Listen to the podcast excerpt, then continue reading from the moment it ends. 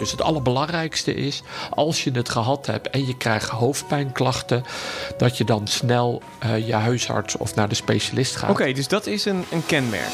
Hallo, ik ben Kees Dorrestein. En ik ben Diederik Gommers. Ja, bekend IC-arts en OMT-lid.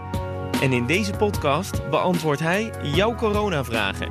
Stuur je vragen naar me op via WhatsApp 06 8370 9229, via de mail gommers.bnr.nl of via Instagram BNR Nieuwsradio. Dan leg ik ze aan hem voor. Vraag het, Gommers. Goed dat je er weer bij bent en dat je luistert. Um, we hebben weer veel vragen. Het is een, toch een opvallende week geweest, dus daar veel vragen over. Onder andere over 60-plussers, want die mogen nog wel het AstraZeneca-vaccin. Maar waarom die dan wel en 60-minners niet? En kan je aspirine of paracetamol slikken op het moment dat je gevaccineerd bent? Want dat zou dan mogelijk klachten verminderen. Allereerst, Diederik, we kregen een melding van Mieke. En die zegt: Aan de hand van jullie podcast eind 2020 over pijnklachten tussen de schouderbladen, want dat was een van de klachten van corona, heb ik een second opinion gevraagd. Ja, en dat, ik bleek het uiteindelijk toch te hebben. Dank daarvoor. Dus die bedankte nog eventjes. Oh, wat aardig. Dat, die heeft de podcast als second opinion gebruikt. van, kan je toch niet eventjes checken? En dat bleek dus, je bleek het uh, goed te hebben. Dus, oh, nou, doet het weer goed. Nou, leuk, leuk, om te horen. En um, ja, het was toch een opvallende week. Hoe, hoe zit jij daarin? Ja, um, het is voor ons echt een omslag. Um, we hadden vorige week vrijdag kregen we berichten dat het misschien mee zou vallen. Dat de piek max 800 uh, patiënten met COVID op de IC en dat die uh, half april. Maar de afgelopen week ging het ineens zo hard dat we eigenlijk gisteren in, uh, in de problemen kwamen landelijk. Um, er was geen bed meer te vinden. We konden elkaar niet helpen. En dat hadden we eigenlijk nog niet eerder meegemaakt. Dus we, ja, we hebben gisterenmiddag, eind van de middag, toch weer opnieuw bij elkaar gezeten. En we moeten harder opschalen. Ja, dat is echt een vervelend bericht. Want ja, die verpleegkundigen die moeten dan uiteindelijk meer patiënten gaan doen. We hebben meer ondersteuning nodig. Als je meer ondersteuning nodig hebt, moet je dat uit de gewone kliniek halen, dan wel van de operatiekamers. Moet je operaties afzeggen. Dus ja, er is, in de ziekenhuizen is daar echt wel even, nou ja, paniek. Ja, we zagen de cijfers natuurlijk de afgelopen weken oplopen. En dat komt dan met een vertraging, komt dat natuurlijk terug op de IC. Dus het ja. kan zijn dat het nog wel even wat harder doorloopt de komende week. Ja, maar dan, ja, dan komt die, dat, dat zwarte scenario in beeld. Dus, uh, Want hoeveel IC-patiënten hebben we nu met corona? Uh, uh, gisteren hadden we er 800 liggen. 800. En daar zijn, uh, waren, normaal gesproken zijn dan 1100 IC-bedden, maar dat is dus opgeschaald. Ja, dat, wel, dat is nu al. Hè, we hadden eerst 1350. We waren nu al opgeschaald van de week naar 1450. En gisteren hebben we het signaal afgegeven om nog verder op te schalen naar 1550. Maar als we het zo doorgaan, komen we bij 1000 COVID-patiënten op de intensive care in de problemen. Ja, dus dan is er nog maar een capaciteit van 200. En we hadden een stijging van afgelopen week van 100. Ja, dan zitten we in twee weken, komen we echt in de problemen. Dus we hopen echt dat de voorspellingen uitkomen en dat het toch gaat afvlakken en dat het gaat dalen. Maar dat moet dan echt wel de komende twee weken. Dus we lopen mogelijk weer langs dat richeltje. Het komt echt akelig dichtbij. Ja, ja want op, maar op het moment dat we het dus volgende week zien dalen, dan weten we over twee weken, dan daalt het ook wel op de IC's. Ja, ja. Want vaak heeft dat, dat is die twee weken. Daar zit al een vertraging, in. Ja. Er was natuurlijk van de week al een beetje het idee dat de besmettingen iets afnam. Maar het lastige is altijd dat in de vakantieperiode, en dan noem ik vakantie zo'n lang weekend, hè, Pasen, dan zie je altijd ander gedrag. Um, dus het is even afwachten of dat dan komt omdat mensen zich minder laten testen, omdat ze andere dingen aan het doen zijn. Nou ja, dat moeten we even zien. Maar Eerst moeten we de besmettingen zien aflopen. Een week later zien we de ziekenhuizen. En weer een week later de intensive cares. Dus ja. uh, ik zeg het vaak, het woordje spannend. Um, maar ja, ja, ja, nee, en ondertussen eh, werd er deze week gezegd... Uh, de 21ste kunnen we misschien wel ja, het terras weer op. Ja, ja, ja dat, nou, jij kijkt natuurlijk naar de IC's. Dus ja, nee, is, uh... bedoel, ik zit in een hele andere wereld. En, en, maar we zijn er ook zo aan toe. Ik bedoel, um, het is zo logisch. En je moet ook perspectief hebben. En het is ook heel goed dat de burgemeesters en iedereen daarmee bezig zijn. Hè, want je moet dat ook voorbereiden. En ik bedoel, ik gun het iedereen, maar Ik zou heel even willen vragen van... wacht even tot wij die daling zien op de Ja. intensive cares. Want hè, als je dat doet in een slecht moment... en hè, natuurlijk wordt iedereen getest... en de, de risico's zijn klein... maar mocht de risico's toch misgaan... dan krijg je zomaar een vierde golf. Ja, die kunnen we op dit moment niet hebben. Dus ik wil absoluut geen paniek. Eh, en ik gun iedereen zijn perspectief. En de terrassen moeten open. Maar de timing en dus het tijdstip van wanneer. eh, ja, ik hoop dat we dat heel goed met elkaar in overleg doen. Dus Ja. we moeten het op het juiste moment doen. We gaan er gewoon wat vragen bij pakken. En ja, veel over AstraZeneca. Want ja, deze week eh, is net besloten. We gaan eh, alleen eh, nog maar 60-plussers met AstraZeneca vaccineren. Dus tussen de 60 en, en 65. Oermi zegt, ik heb mijn eerste AstraZeneca-prik gehad... maar ik wil eigenlijk mijn tweede nu niet meer. Kan ik dan wel ook een andere prik nemen? Is dat wel veilig voor mijn gezondheid? Ehm, ik ben daar geen expert in, maar ik heb ooit Marion Koopmans horen eh, zeggen dat dat kan. Ehm, en, en dus je kunt een andere prik krijgen. Ehm, de test, hè, zoals de studie natuurlijk gedaan is, is met hetzelfde, eh, hetzelfde vaccin. Dus ja, ik zou zeggen, neem die tweede AstraZeneca.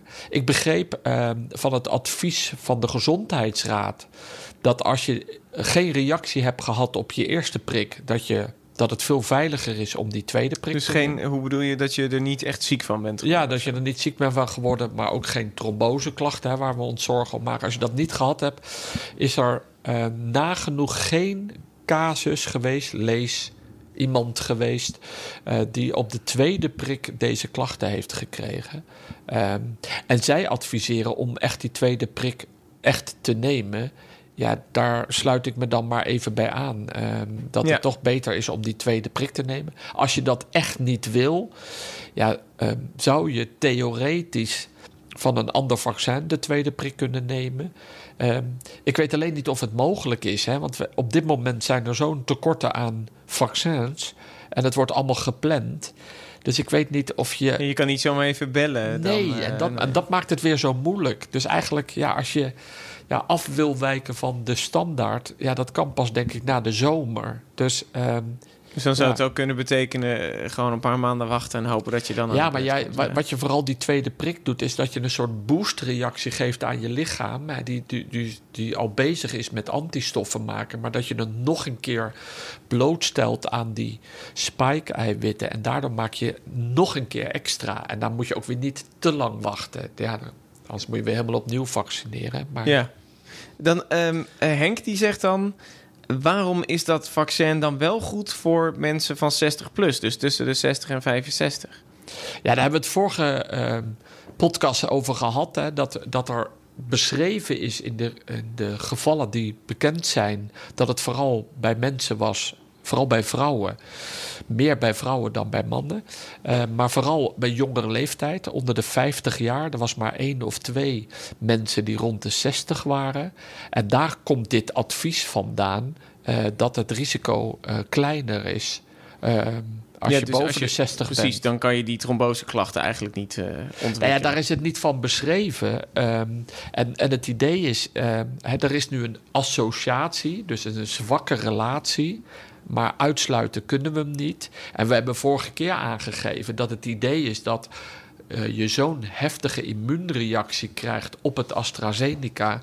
En dat je daarmee dus die antistoffen niet alleen maakt tegen het, eh, tegen het virus, maar eigenlijk ook antistoffen maakt tegen je eigen bloedplaatjes. En dat je daardoor die eh, zeldzame sinustrombose krijgt in je hersenen. En die dan gepaard gaat met hoofdpijn. Dus het allerbelangrijkste is, als je het gehad hebt en je krijgt hoofdpijnklachten, dat je dan snel eh, je huisarts of naar de specialist gaat. Oké, dus dat is een, een kenmerk. Hoofdpijn, eh, hoofdpijnklachten, dan moet je even bellen. Ja, dat, dat, dat is echt extra eh, ehm, gevaar dat je dan eh, mogelijk sinustrombose hebt. Nou, je kan altijd hoofdpijn krijgen, hè, dus het is ook niet. Dus het moet heftige hoofdpijn zijn. Maar als je dat krijgt na je AstraZeneca, dan zou ik laagdrempelig eh, je arts eh, contracteren. Even contacten en dan kijken wat het is. En dan een vraag. Ik heb een aantal namen opgeschreven, maar deze vraag ja, kwam denk ik echt wel 10, 20, misschien wel 30 keer binnen. Emil, Marit, Carla, Margot, Ans, Ineke, Rob en Tineke stelden hem onder andere. Ehm, zij hebben allemaal tromboseklachten. En eh, ze zeggen welke mensen met tromboseklachten moeten nou echt opletten voor dat AstraZeneca-vaccin. Ja, kijk, het, er zitten heel veel verschillende trom, uh, ziektebeelden heb je, hè, waardoor je trombose kan krijgen. En, en heel veel mensen die ziekte hebben waar je extra trombose van kunt krijgen, die hebben daar eigenlijk heel weinig last van. Um, dan krijg je die krijgen maar één keer in hun hele leven een keer trombose. Terwijl ze wel weten dat ze een bepaalde ziekte hebben. Dus zeg maar een algemeen iets zeggen, dat kan ik niet. Nee, Want omdat er te veel vormen van nou, Er zijn te veel vormen en het is veel verschillend. Maar er zijn wel mensen die weten dat ze regelmatig naar een specialist gaan. Um, omdat ze zo last hebben van tromboseklachten. En dat ze wel of niet dat moeten, medicijnen moeten nemen, ja of nee.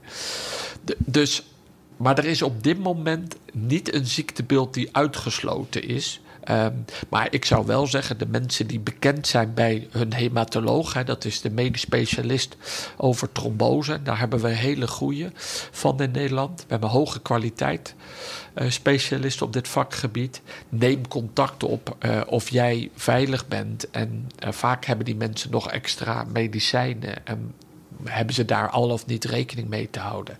Op dit moment bij vaccins is er, eh, is er geen harde uh, contra-indicatie als je tromboseziekte hebt. Maar ik zou je, als je onder behandeling bent bij een specialist, uh, zou ik die even raadplegen. Yvonne dan, zij werkt bij de trombosedienst. En ze zegt, daar controleren ze de INR-waarde voor het prikken. Twee dagen voor het prikken.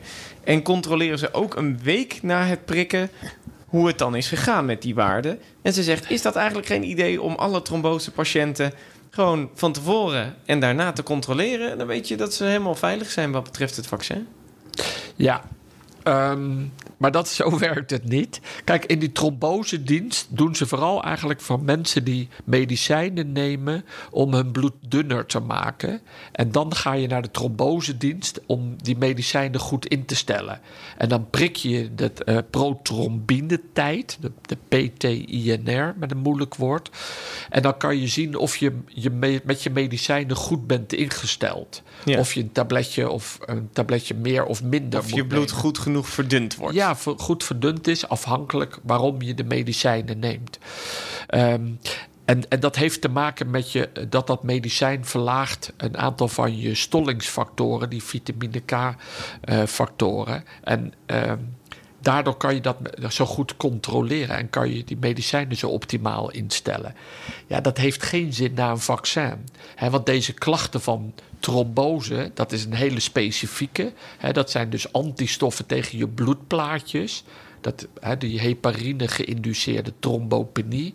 Dus lage bloedplaatjes als gevolg van heparine. Mm -hmm. Maar in dit geval hebben die mensen helemaal geen heparine gedaan, maar het, lijkt, het ziektebeeld lijkt daarop. Maar dat heeft dus niks te maken met waarom we de PT-INR-test afnemen. Dus het heeft niet zoveel zin om dat hetzelfde te doen na een vaccin. Nee, omdat hij eigenlijk gewoon iets heel anders meet dan wat je zou moeten ja, meten na ja. een vaccin. Nee, dus dus het blijft even bij hoofdpijn in de gaten uh, houden. Want je, je krijgt er dus echt specifiek sinustrombose van. Dus uh, een uh, bloedstolsel in je hersenen. Ja, aan, aan, de, aan de veneuze zijde. Dus uh, je, hebt, je je arteriële zijde, je slagaders en je aders. En aan je aders, daar zit dan het probleem. daardoor krijg je uitval en dan krijg je ook, kun je hoofdpijn van krijgen. En dat waren de meeste gevallen. Maar er kwam ook naar voren dat er in Nederland iemand was overleden na, uh, met een longembolie na het AstraZeneca. En dat is dan weer een trombose in de bloedvaten, in de grote bloedvaten richting tussen je hart en je longen. Oh, dus het is niet alleen maar in de hersenen? Nee, maar dat hangt natuurlijk wel weer precies af wat er nou precies speelt. Want die gevallen in Duitsland waren allemaal sinustrombose. Um, ja, en daar moet je dus heel gedetailleerd kijken. En dat is wat de EMA nu gedaan heeft. Die heeft naar alle, hè, meer dan mm -hmm. 80 uh, patiënten die in Europa uh, dit probleem hebben gehad. En die hebben daar nu een analyse van gemaakt. En, en het is sine, het grootste gedeelte is sinustrombose, maar niet, maar niet alle patiënten. Oké. Okay. Um, dan uh, Wil, Marleen, Rianne, Lisanne en Regina. Um, en ik kreeg vandaag ook alweer allemaal appjes binnen met eigenlijk de mensen die allemaal hetzelfde hebben. Ze zeggen, wij hebben de stollingsziekte factor 5 lijden. hoe zit het dan met de risico's wat betreft de vaccins? Dus bij factor 5 lijden is een, uh, is een erfelijke uh, bloedstollingsziekte. Uh, die heb je een verhoogde kans op trombose. Maar daar heb je ook weer verschillende vormen in. Je hebt een milde vorm en een ernstige vorm. Um, en, en toch krijgt 10% van die mensen um, maar ooit trombose. Um, en, en dat is, maakt het weer zo moeilijk. dat, je, dat je dus ook weer niet kan zeggen, dus bij iedereen met factor 5 lijden, uh, heb je dus een verhoogd risico. Dus ook alleen maar daar weer, als je echt onder behandeling bent van een medisch specialist, okay. bel je medisch specialist en zeg. En die hè, kan naar jouw specifieke situatie kijken. Ja, maar heb je daar eigenlijk heel weinig last van? Ja, dan heb je uh, geen problemen met het nemen van een vaccin. Nee, nee, ik kreeg net nog Freek, echt vlak voordat ik hier binnenliep. En die zei: kunnen we eigenlijk niet gewoon alle 60 minners uh, bloedverdunners dan standaard geven na zo'n vaccin? Kunnen ze ook geen uh, embolie krijgen en dan kunnen ze gewoon alsnog het vaccin nemen? Ja, maar dan, moet je, dan, dan, dan moeten we echt beter weten wat nou het vaccin precies doet. Omdat stolling is een heel moeilijk. Er zijn heel veel factoren bij betrokken. En je medicijnen die je neemt om je bloed te verdunnen haken of pakken ook precies in op die verschillende aspecten. Dus ja, je moet eigenlijk eerst het mechanisme begrijpen wat het vaccin hoe dat tot trombose leidt, om het juiste medicijn te geven. Dus het heeft niet zomaar zin om een willekeurig bloedverdunner te geven. Hè. Een aspirintje kennen we. -hmm. um, is een vrij onschuldig iets, maar helpt wel uh, tussen het plakken van de bloedplaatjes. Um, maar of dat nou zin heeft bij deze hele zeldzame trombose, want het is gewoon een hele zeldzame vorm van trombose. -hmm. en, en dus bij die sinustrombose, uh, dat mechanisme daar gaat die aspirintje niet nee. voor helpen. Ik dacht nog trouwens, want we hebben het vaak gehad over mensen die niet uh, gevaccineerd willen worden. En iedereen heeft natuurlijk een eigen keuze, want we hebben geen vaccinatieplicht. Dus als je het niet wil, dan hoef je het ook niet. Maar ik bedacht me, um, als er nu mensen zijn die zeggen: Nou, ik wil eigenlijk gewoon dat, dat AstraZeneca-vaccin. Ik ben onder de 60, maar ik wil eigenlijk wel gevaccineerd worden. Zouden we dan eigenlijk ook niet de optie moeten hebben dat je dan nu kan zeggen: van nou, doe mij dat dan maar. Want dan sta ik hoger, hoef ik minder lang te wachten. Ja, ja, dat zou heel logisch zijn eigenlijk om dat te doen. En dat eigenlijk... Uh, nou ja, goed, er zijn nu allerlei keuzes gemaakt... en we moeten de keuzes en de adviezen moeten we ook niet heel de tijd veranderen... want het is al zo moeilijk voor de mensen. Ja. Dus ja, ik kan wel goed in meegaan wat nu uh, de Gezondheidsraad heeft geadviseerd. Hè. Die zeggen nu, ja, luister eens jongens... Uh, er is een mogelijk een relatie. Laten we dan alsjeblieft voor het zekere gaan. We hebben het nagenoeg niet gezien bij mensen boven de 60 jaar. Uh, daar is het risico, uh, als je COVID krijgt en je onverhoopt. En je komt, kan je, heb je daar een hoger risico om te overlijden. Dus daarom is het belangrijk dat die mensen gevaccineerd worden. Nou, dat weegt tegen elkaar op. En daarom geven wij het advies om vooral die groep de AstraZeneca te krijgen, geven. Er komt ook, Pfizer komt vanaf half april met een half miljoen vaccins per week voor Nederland. Ja, dat geeft ook weer ruimte ja. om dan te zeggen: oké, okay, maar de hoogrisicogroep onder de 60 jaar of de mensen die aan de beurt zijn, kunnen we dan met een ander niet, vaccin ja. geven. Dus ik, ik vind het wel logisch. Snap je? Er is eigenlijk, je kan ook zeggen, jongens. Maak geen onderscheid, hè, want er is geen hard bewijs. Uh, maar als je een keuze hebt, begrijp ik wel. Nou, vind ik het eigenlijk echt best wel een goede advies van de Gezondheidsraad. Jongens, uh, de 60-jarigen lopen minder risico met het AstraZeneca en lopen een hoog risico. Dus ga gauw door met die 60-plussers. En die 60-minners, pak dan eventueel een ja, ander die komen toch later aan de beurt en dan krijgen we een enorme levering. Ja, dan hebben we dus heel veel uh, uh, Pfizer uh, en Janssen komt er ook nog aan. En daar weten we het ook nog niet van. Precies. Oké, okay, nou iets anders dan. Jules die zegt... Hallo meneer Gommers, ik heb een vraag over de coronatest. Ik zag op uh, social media voorbij komen dat er een kankerverwekkende stof op de teststokjes zit. Ethyleenoxide. Um, is dat zo? Zit dat erop? Nou ja, kijk, ethyleenoxide is gewoon een giftige stof en die hoort er niet op te zitten. Dus als die erop zit, dan moeten we die stokjes niet gebruiken. Dat Mhm. is, hè, ethyleenoxide is echt kankerverwekkend voor mensen. En dat moet je gewoon, in welke concentratie, moet je gewoon geen contact mee hebben. Mhm. Het wordt gebruikt om middelen te steriliseren. Hè, het is zo'n giftig stofje dat je ook de bacteriën en alle andere dingen ermee doodmaakt. Ja. Daarom wordt het misschien ingezet, maar dan behoort het wel zo te zijn als dat daadwerkelijk die stokjes bij het produceren ethyleenoxide daarvoor gebruikt wordt, moet gecontroleerd worden dat die ethyleenoxide daar niet achterblijft. Nee, dat wordt dan weer er wordt gebruikt en daarna wordt het er weer afgehaald om, eh, om te zorgen dan is het gesteriliseerd, maar dan zit het er niet meer op. Ja, tenminste, dat neem ik aan. Maar het hoort er absoluut niet op te zitten. En de Europese, want ik heb het opgezocht, de Europese eh, Commissie zit daar bovenop. Die, e- die stokjes die in Europa gebruikt worden, die moeten absoluut vrij zijn van ethyleenoxide. Want anders mogen ze niet worden ingezet. Dus ja, ik weet niet precies waar dit bericht van vandaan komt. Maar als eh, dingen die in Nederland eh, gebruikt worden, die worden getest, neem ik aan. En dan als daar echt sporen van ethyleenoxide wordt ge- op gevonden, ja, dan worden ze uit de handel genomen. Dan worden ze gewoon niet ingezet. Ja, nee, dit kwam volgens mij door een Engelse man waarvan zijn oom volgens mij was overleden aan eh, kanker. En die oom was ook getest. En toen zei hij, ja, maar deze stokjes die worden schoongemaakt met ethyleenoxide. Dus hij is eigenlijk, daardoor heeft hij kanker gekregen. Dat was een beetje eh, het verhaal. Eh, maar ik zag ook wel dat deze stof vaker wordt gebruikt in de medische wereld. Maar altijd dan direct eh, schoongemaakt wordt. Ja, Eh, zodat- ja, maar dat, ja. het hoort niet achter te blijven. En, want anders is het procedé niet goed gegaan in de fabriek. Nee, precies. Dan, dan moet je even gaan klagen bij de, de fabriek. Ehm, eh, Vera dan. Zij zegt, ik ben doktersassistent en heb de afgelopen tijd mijn eerste COVID-vaccinatie gekregen. Samen met twee collega's. Ik heb preventief vooraf, eh, na de vaccinatie en ook de dag erop, eh, paracetamol genomen en mijn collega's niet. En nu zegt ze, ik heb eigenlijk geen klachten gekregen. En mijn collega's zijn er behoorlijk ziek van geworden. Kan het zo zijn dat we paracetamol eigenlijk moeten nemen? Want dat scheelt dan met de bijwerkingen. Nou ja, we kennen ehm, dat als je pijnstillers neemt, ook al van tevoren, al heb je nog geen pijn, maar bijvoorbeeld als je je kies moet laten trekken en dergelijke, dan helpt dat wel.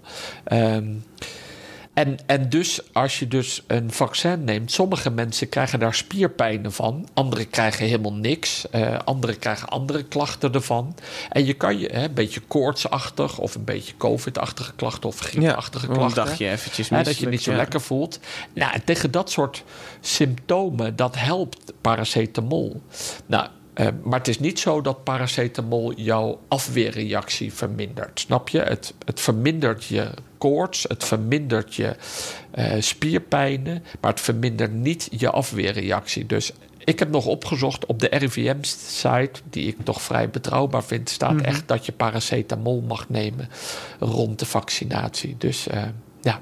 Oké, dus het werkt het niet tegen. Het zou juist kunnen helpen tegen die extra klachten. Die, Ja, maar ja, je weet nooit van tevoren of je die klachten krijgt. Dus je kunt Nee. ook wachten tot je de klachten krijgt en dan paracetamol ja, nemen. ja, precies. Maar ja, sommige mensen zeggen ja, ik heb liever heel die klachten niet. En dan neem ik preventief, hè, dus van Ja. tevoren paracetamol. Ja, kijk, ik doe dat ook als ik naar de tandarts ga. Als ik weet dat ik hem moet geboord worden of eh, mijn kies getrokken moet worden, dan neem ik de paracetamol al van tevoren. Zodat ik weet dat ik, als ik bij die tandarts zit, dat het al werkt. Hè? Want het duurt altijd even voordat ja, de medicijn oh, dat is eigenlijk wel heel slim. Want ik heb wel eens een keer dat ze zijn gaan boren... dat ik dacht, nou, eh, de- de- die verdoving is nog niet aan het werken, vrienden. dat was echt wel... Ik, ik heb een keer echt één eh, kiesoperatie gehad... waar ik eigenlijk het grootste gedeelte van de tijd amper verdoofd was. Nu was ik wel vaker geholpen aan die kies... dus ik heb gewoon wel pijn gehad... maar ik heb me er doorheen gebikkeld. En het grappige was, daarna begon in één keer die verdoving te werken... waardoor ik alsnog een soort van anderhalf uur met een dikke wang aan het rondlopen was. Ja. Maar eh, oké, dit is wel een handige tip. En werkt dat dan ook bij aspirine? Dat, eh, Ja, aspirine is ook het. Maar aspirine heeft wel weer een andere werking dan paracetamol.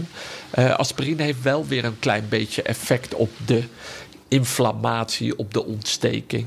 Maar hoe het nou precies... Dat, ik verwacht niet dat het zo hard werkt dat je de afweer eh, echt remt. Mhm. En dat het eigenlijk invloed heeft. Maar paracetamol is eigenlijk onschuldiger, zou ik zeggen. Ja, dus daar kan je dan inderdaad die, die klachten eh, mee voorkomen. Al is het misschien al spierpijn. Ehm, en je kan dus wachten of het van tevoren nemen of Ja. helemaal niet. En het nadeel van een aspirintje is weer, hè, dat heeft ook weer te maken, dat heeft effect op je stolling. En dan kan je weer een bloeduitstorting krijgen als gevolg van je vaccinatie. Oh, en dat doet paracetamol ook niet. Dus eh, eigenlijk. is wel aspirine is misschien niet zo handig. Nee, dus ik zou eh, liever een paracetamol adviseren. Een opvallende vraag van Karin. Heeft veel gezondheidsmedewerkers die eigenlijk deze week aan het appen zijn met, met goede ideeën, waaronder die van Vera dus net. Eh, René kwam daar trouwens ook mee, zag ik. Ehm, en Karin die zegt, ik, heb, ik ben gezondheidsmedewerker, twee keer gevaccineerd met Pfizer eh, vanwege mijn werk in het ziekenhuis. En in één keer afgelopen vrijdag werd ik helaas positief getest op corona. En daar ben ik enorm van geschrokken, want dat had ik niet verwacht. En ik woon ook nog eens met vijf mensen thuis. Ehm, wat is de kans dat ik die andere mensen nu kan besmetten? Heel belangrijk is eigenlijk waarom ze nou die test heeft gedaan. Want had ze nou COVID-achtige klachten en is ze daarom gaan testen? Want dat eh, was ze toch een beetje ziek geworden.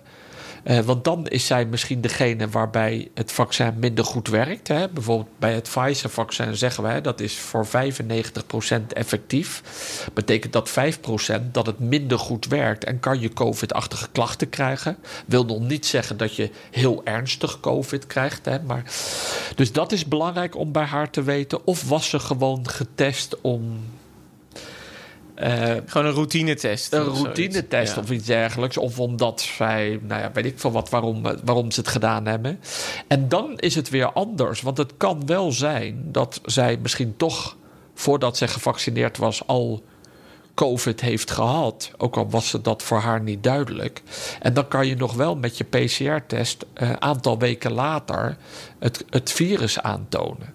En het kan natuurlijk ook dat zij het virus heeft opgelopen na de eerste vaccin. En dan ben je er niet ziek van, maar dan zit het virus nog wel in je lichaam. Ja. En dan is het eigenlijk afhankelijk hoe lang dat dan gelegen is. Kan je met je PCR-test wel dood virus aantonen? Nou ja, dan krijg ik dadelijk weer heel veel vragen. Die PCR-test Oh, is niet goed. Maar die, is eigenlijk, die PCR-test is zo gevoelig dat je dus ook eh, in een later stadium nog een positieve PCR-test kunt hebben. Maar eigenlijk heb je of al lang de ziekte eh, doorgemaakt, of je weet het eigenlijk niet meer precies. Nou, dat is wel van belang. Eh, dus Dus eigenlijk is het... eh, Stel nou, eh, in het ergste geval heeft ze toch COVID-klachten gehad... dat het weer is teruggekomen. Ehm, kan je dan nog andere mensen besmetten? Of is het meer... ehm, je kan het zelf nog wel krijgen, maar geen anderen besmetten? Nou ja, dat, dat is nog een tweede vraag. Als zij nu dat, als laten we ervan uitgaan dat zij gewoon keurig gevaccineerd is en dat zij opnieuw klachten heeft gekregen en dat zij gewoon de test heeft gedaan en die is positief. Nou, op dat moment, laten we ervan uitgaan dat ze actief virus bij zich heeft, dan is ze besmettelijk. Dan Ja, kan zij die Druppeltjes. ja, Ja. Hè, dat vaccin bij haar of die antistoffen werken niet zo goed. Als zij nu eh, gewoon gevaccineerd is en dit is een oud virus wat we aantonen met de PCR-test, maar zij, eh, het vaccin werkt bij haar goed. Wat we nog niet 100% zeker weten, is of het vaccin ook goed beschermt tegen verspreiden van het virus. Je wordt er niet ziek van. Daarvoor nemen we het vaccin. En we hopen dat je geen verspreider bent. Maar dat weten we nog niet goed. Hè? Zoals Jaap van Dissel even ook gezegd heeft, naar aanleiding van die Amerikaanse studie. Ja, want er was een Amerikaanse studie gekomen... die zeiden van je kan het dan eigenlijk niet meer mensen besmetten. Ja, maar wat Jaap van Dissel wel goed zei, dat is gedaan bij ziekenhuismedewerkers die allemaal gevaccineerd waren. Je weet, hè, daar, daar hadden ze dan weer iedere week een neuskweek afgenomen en daar toonden ze geen virus aan. Maar hebben die mensen wel bloot eh, genoeg gesteld aan het virus? Snap je? Kwamen zij nog, of leefden zij in een omgeving waar iedereen gevaccineerd is? Ja. Ja, dan heb je ook weinig risico dat je het virus Dus oploopt. eigenlijk eh, zou je dit moeten testen door, door mensen eh, weer corona te geven die gevaccineerd zijn. Bij wijze Ja, van. nee, je, je moet eigenlijk eh, mensen die gevaccineerd zijn, maar wel, nou, nou, zoals de situatie nu is. Nu hebben we veel mensen die besmet zijn in Nederland. hè, 160.000 geloof ik. Eh, dan heb je een hoger risico dat je iemand tegenkomt die jij kan besmetten. Mhm. Nou, dan heb je, op het moment dat je dan gevaccineerd bent, maar je loopt wel het virus op en je toont het aan, dan scoor je positief op de, in die studie. Mhm. En dat is natuurlijk wel van belang. Je moet ook dan, als je gevaccineerd bent, hoog risico lopen dat je, dat je contact hebt met het virus om echt te weten dat je niet meer besmettelijk bent. Ja, precies. Dus dat kunnen we nog niet. eh, Nee, dat, is- dat is nog niet, zo, niet, nog niet zo goed te zeggen. Nee, oké. Dan denk ik, moet ze nog een keer gevaccineerd worden als ze Nou, ik denk krijgt? dat het mooiste is als, als ze eigenlijk antistoffen laat bepalen. Als ze nou antistoffen laat bepalen in haar bloed en hoe hoog, dan weet je eigenlijk of je, ja, of je voldoende antistoffen hebt. Of het gewerkt heeft. Ja, en, Ja. Of ze, en dan weet ze. Ja, en als dat te laag is, die antistoffen. Ja, dan zou ik contact opnemen met haar huisarts. Of zij met haar huisarts. ehm, en vragen of ze dan toch niet nog een prik kan krijgen. Oké, om samen te vatten, dus eh, eh, voor Karin. Als je klachten hebt, ja, dan kan je dus nog andere mensen besmetten. En eh, probeer te kijken of je een antistoffentest kan doen. Want dan, dan weet je precies hoe het zit. Ehm, eh, tot slot, dan nog een vraag van Stijn. Eh, dat vind ik eigenlijk een hele mooie vraag. Hij is 21, zegt hij.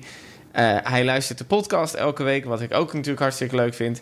Ehm, en hij zegt: Ik ben eh, eh, enorm bang voor prikken. Ik heb echt prikangst. En dat ben ik door middel van therapie aan het overmeesteren. Dat vind ik echt eh, heel goed. Maar dit is dus echt een jongen die het heel erg vindt. Hij kijkt ook enorm tegen het feit op dat hij naar het prikcentrum moet. Hij vraagt zich eigenlijk af: is het niet mogelijk dat ik dan bij de huisarts geprikt kan worden? En hij vraagt of je nog tips hebt, ook om die angst te overwinnen. Nou ja, ehm, het allerbelangrijkste is dat het meest dunne naaldje wordt gebruikt. wat hij zich ooit kan voorstellen. Ja, oké, maar ik denk dat het gewoon, als hij al die, een naald ziet, hoe dun die ook is, dat, ja, dat maar dan hij moet denkt, hij recht vooruit kijken. Hè, want de, degene die jou prikt staat naast je. En die prikt jou in je, in je schouder of in je bovenarm. En het is echt het aller, allerdunste prik. Naald. Dus dat voel je bijna niet. Nou, ik kan me voorstellen dat sommige mensen toch er bang voor zijn. Nou, dan kan je zeggen, nou, als je, je kan ook nog die paracetamol nemen. Eh, hè, waar we het net over gehad hebben. Dan voel je pijn veel minder. Eh, en als laatste... ehm, maar dan moet je eigenlijk naar het kinderziekenhuis. Daar, hè, kinderen vinden het soms ook niet fijn om geprikt te worden. En daar doen we dan een soort Emla-crème op. Daar zit een soort lidocaïne hè, waar je mee kunt verdoven. Wat je net had van de tandarts. Zit dan in de zalf. En als je dat dan op je huid smeert, dan voel je de prik niet. Ehm, maar dat moet je dan een paar minuten of tien minuten. Ik weet niet eens meer. Ik heb vroeger gedaan toen ik eh anesthesioloog was in het kinderziekenhuis in mijn opleiding. Dan smeerden we altijd op de handpalmen van die kinderen die zalf. En dan kwamen we later terug en dan konden we het infuus prikken. Want dan hadden die kinderen daar geen pijn van. Eh, nou, wat, wat, wat natuurlijk best belangrijk is. Ja. Nou, dat zou hij ook nog kunnen doen. En, en ik ben het wel met hem eens. Als hij echt zo angstig is, dan zou ik eh, aan zijn huisarts vragen of dat mag. Eh, Of het maar ik weet alleen niet kan. of die huisarts voldoende vaccin heeft dat hij hem kan prikken. Maar ik zou het, je kan het al licht vragen. Precies, als, als hij aan de beurt is, want hij is 21, dus hij heeft ook nog eventjes tijd om zich er mentaal op voor te bereiden. Dan even de huisarts bellen. Ik kreeg trouwens ook nog laatst een appje en die zei, het was ook iemand van iemand die echt bang was voor prikken. En die zei, eh, kan Gommers mij niet prikken? Want ik denk dat ik dat nog wel zou kunnen doorstaan. Ja, maar ik ben echt. eh, ik doe, doe het evenveel zeer als ik prik. eh. ja, en misschien wel meer. Nee Ja, hoor. maar je prikt ook natuurlijk niet heel vaak, denk ik. Nou ja, bij onze IC-patiënt, als we een infuus moeten inbrengen Oh, ja. of allerlei lijnen, prikken we natuurlijk mensen. Maar vaak doen wij dan ook wel probeer de, de huid verdoven met lidocaïne. En dit is ook eh, hè, met die Emla-crème, eh, er zit ook lidocaïne eigenlijk in die verdoving. Dus ja, het eh, komt op hetzelfde neer. Maar ja, voor dat inspuiten van eh lidocaïne, dus dan moet je ook met een heel dun, pak je een dunste naaldje, Ja. of daarna met een dikkere naald. erin te gaan. Dus dan word je twee keer geprikt. Dat is natuurlijk ook niet leuk. Ja, of een thorax drain, zo'n drain. Als je een klaplong hebt, dan verdoven we ook de huid voordat we daar een sneetje in maken. Ja, je hebt, eh, jij, je hebt wel eens in deze podcast gezegd dat je het zelf ook niet zo leuk vond om zelf geprikt eh, te worden. Nee, nee. Wat heb je toen gedaan? Nee, nee, nee, toen ik het vaccin krijg, kijk ik toch liever even de andere kant op. Of je knijf je even samen, hè, dat je denkt, ah, daar komt hij. En dan denk je, jee, maar het is ook echt helemaal niks. Hè. Nee. Het, het doet echt geen pijn. Dit is echt, de allerdunste naald die je je maar kan voorstellen. Ja. Stijn is er hartstikke goed mee bezig. Sommige mensen hebben gewoon die angsten. Uh, en natuurlijk kunnen wij dan zeggen dat het geen pijn doet. Maar ja, als je die angst hebt, moet Ja. je daarmee aan de slag. En dat doet hij nu. En eh, wij wensen je alle twee heel veel succes.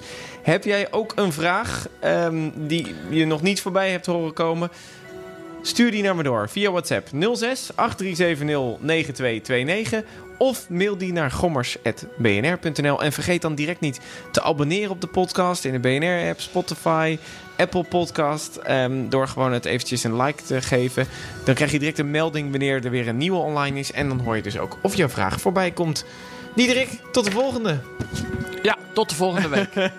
Je had de, tele- je had de microfoon al weggelegd.